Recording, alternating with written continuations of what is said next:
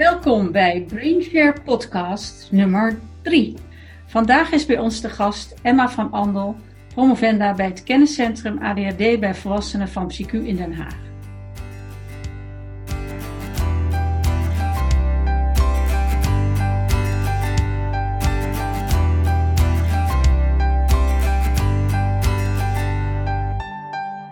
Zij onderzocht ADHD en slaapproblemen, ofwel insomnie, en de impact daarvan op de kwaliteit van leven, de productiviteit en het gebruik van de gezondheidszorg in de algemene bevolking in Nederland. Welkom Emma. Fijn dat je er bent. Uh, kun je uitleggen wat insomnie dan inhoudt en waarom je juist hiernaar hebt gekeken bij ADHD? Ja, dankjewel Sandra, leuk uh, dat ik dit mag doen. Um, ja, insomnie is uh, de medische term voor chronische slapeloosheid. En dat houdt in dat je langdurig moeite hebt met in slaap vallen of met in slaap blijven. En dat je daar overdag ook last van ondervindt. En in het algemeen komen bij ADHD slaapproblemen heel erg vaak voor. We zien het veel in de kliniek, we zien het ook veel in de wetenschap. En ik denk ook dat heel veel mensen met ADHD dat uh, zelf zullen herkennen. En insomnie is de meest voorkomende uh, slaapstoornis bij ADHD. Want tot wel 78% van de volwassenen met ADHD die heeft daar last van. En ook in de algemene bevolking is het de meest het meest voorkomende slaapprobleem. Uh, met een derde van de mensen die daar wel symptomen van ondervindt. Dus dat is echt best wel veel. En uh, los van elkaar hebben zowel ADHD als insomnie negatieve gevolgen voor de gezondheid, voor kwaliteit van leven.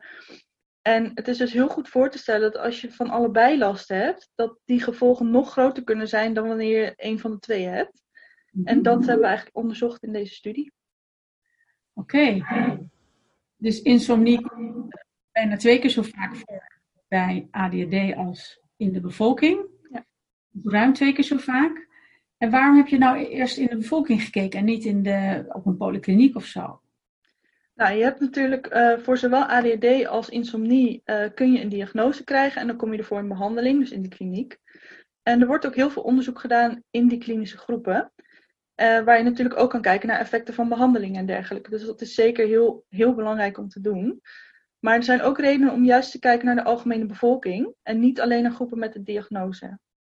Uh, ten eerste is eigenlijk heel praktische reden. De algemene bevolking is nou eenmaal veel groter dan de mensen met ADD of met, uh, en of met insomnie. En hoe meer mensen er meedoen aan je onderzoek, hoe betrouwbaarder je resultaten zijn. Maar er is ook een inhoudelijke reden.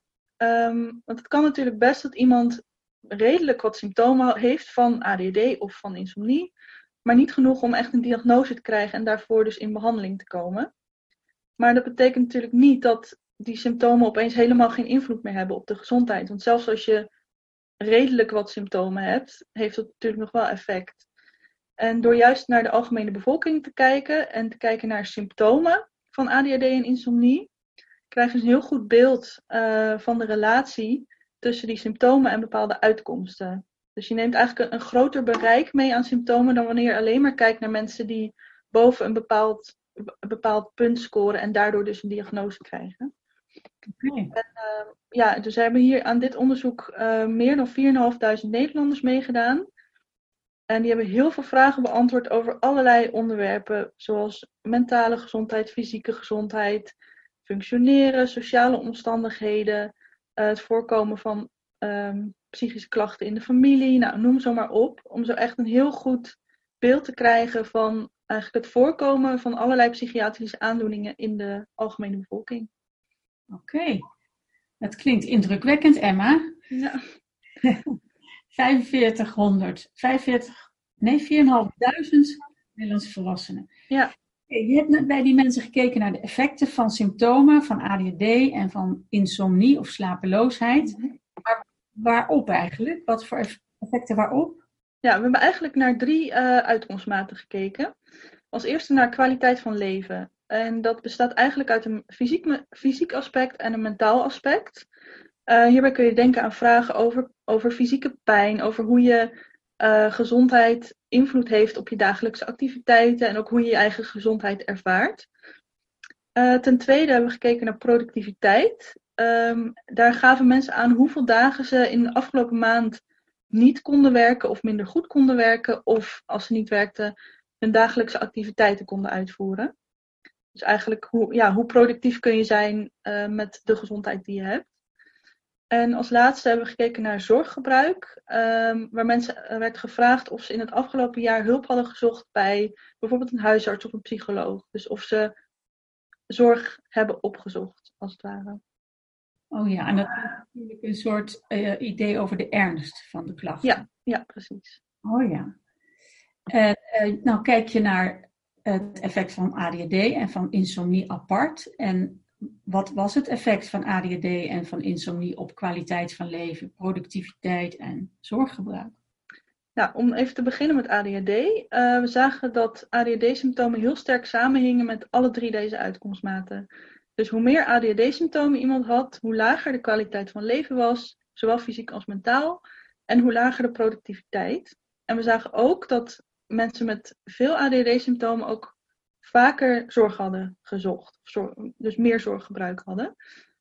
En bij insomnie zagen we eigenlijk vrijwel hetzelfde plaatje. Dus um, hoe meer symptomen van insomnie iemand had, um, hoe lager de kwaliteit van leven, hoe lager de productiviteit en hoe hoger het zorggebruik. Dus eigenlijk allebei lieten ze hetzelfde zien.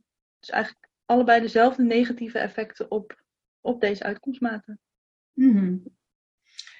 Um, nou, dat klinkt alsof je, of het hetzelfde is eigenlijk, hè? wat insomnie en ADHD uitrichten op uh, kwaliteit van leven, zorggebruik en productiviteit. Of ja. is het dubbel op in die personen die allebei hebben? Hoe, wat kun je daarover zeggen? Um, ja, het, we waren natuurlijk ook vooral geïnteresseerd in die combinatie van wat doen ze nou als je het allebei hebt. En um, um, ja, daarvoor moesten we natuurlijk eerst kijken van wat doen ze nou apart. Dus we hebben eigenlijk, dit was eigenlijk om te bevestigen wat we al meenden te weten. maar het is heel lastig om te zeggen wat ze nou precies samen doen of hoe het samenhangt. Er zijn wel wat theorieën over dat het misschien hetzelfde is of dat het elkaar kan versterken. Um, maar we hebben dus uh, eerst gekeken van wat doet het nou los van elkaar. En je moet natuurlijk ook onthouden dat er veel uh, andere factoren ook een rol kunnen spelen op deze uitkomstmaten. Het is niet, je kwaliteit van leven wordt niet alleen bepaald door ADD of door insomnie, bijvoorbeeld. Um, dus we ja, deze studie heeft heel erg veel meegenomen. Um, denk bijvoorbeeld aan gewicht, aan leefstijl, dat soort zaken. En um, ja, dus we hebben eigenlijk geprobeerd om wat, er, wat we al dachten te weten, om dat echt heel goed te schatten. En uh, heel veel factoren mee te nemen om te echt te zeggen van dit komt echt door ADD of door insomnie. Uh, en daarna wilden we dus kijken van wat doet het dan samen. Oké. Okay.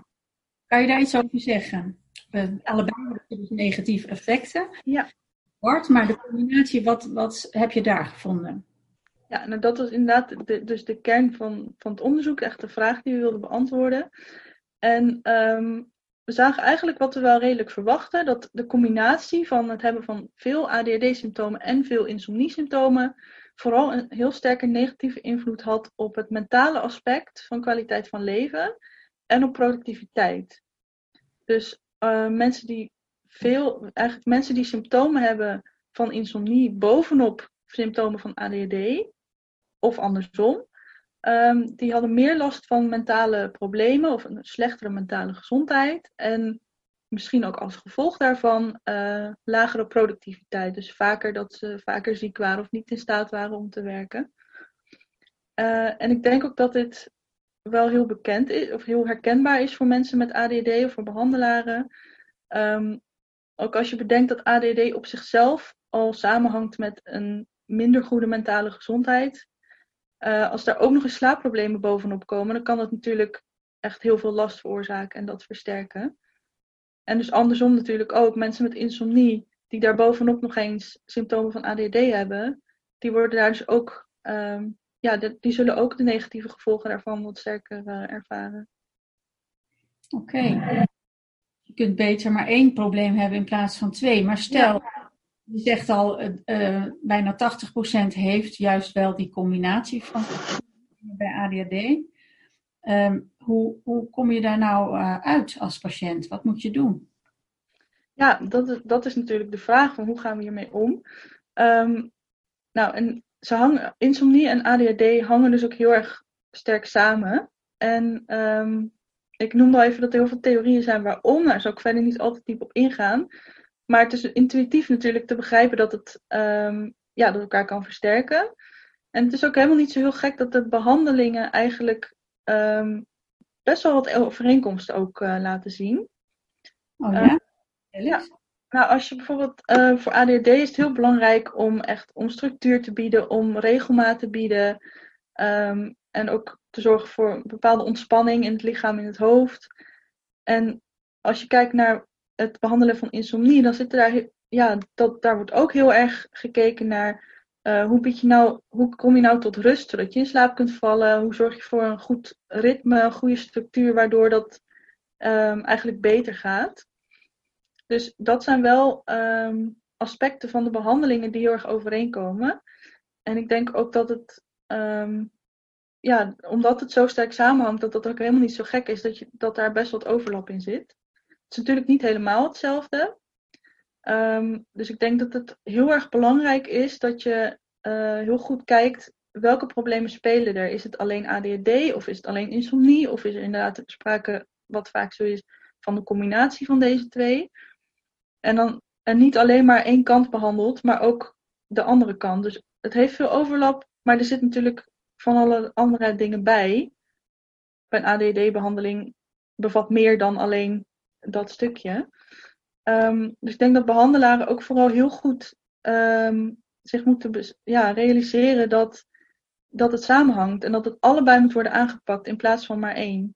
Ja, uh, Ik ben het helemaal met je eens. Maar weet je, als je nou zegt uh, uh, 80% heeft insomnie van de ADHD-patiënten, de behandeling van de structuur bieden en ritme en regelmaat en een, uh, dag en nacht uh, goed scheiden hè, eigenlijk.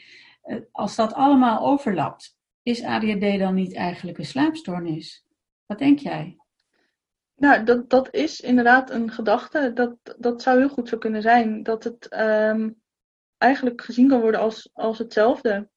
natuurlijk niet in alle gevallen, want dan zou je natuurlijk 100% overlap hebben. Maar ik denk dat er zeker wel um, een relatie zit, of dat nou op het genetische vlak is of, waar dat precies zit, dat, dat durf ik ook niet te zeggen. Er wordt ook onderzoek naar gedaan van waarom hangt het nou precies samen? Is het hetzelfde of komt het van, uit hetzelfde? Of is het zo dat het bijvoorbeeld in de vroege jeugd begint met het een en het ander daardoor komt? Of, uh, dus ja, er zijn heel veel theorieën over dat het, um, welke kant het op kan werken, of dat het uit hetzelfde voortkomt, of elkaar um, eigenlijk versterkt. En ja, ik, ik weet zelf niet hoe het zit. Uh, alleen dat het veel samenhangt. En ik weet wel dat, uh, dat we daar echt mee bezig zijn om, om dat een beetje te ontrafelen. Van hoe, ja, waarom lijkt het zo op elkaar? En, ja. ja. Ik heb nog een vraag uit de praktijk. Um, nou noem je insomnie, hè? moeite met inslapen en doorslapen en, en nog vroeg wakker worden.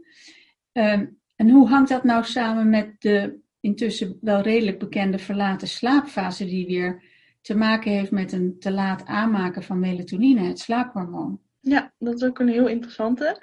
Dat lijkt um, maar is, wat is het verschil? Ja, het lijkt heel erg op elkaar. En um, bij insomnie heb je dus last van of in slaap vallen of in slaap blijven.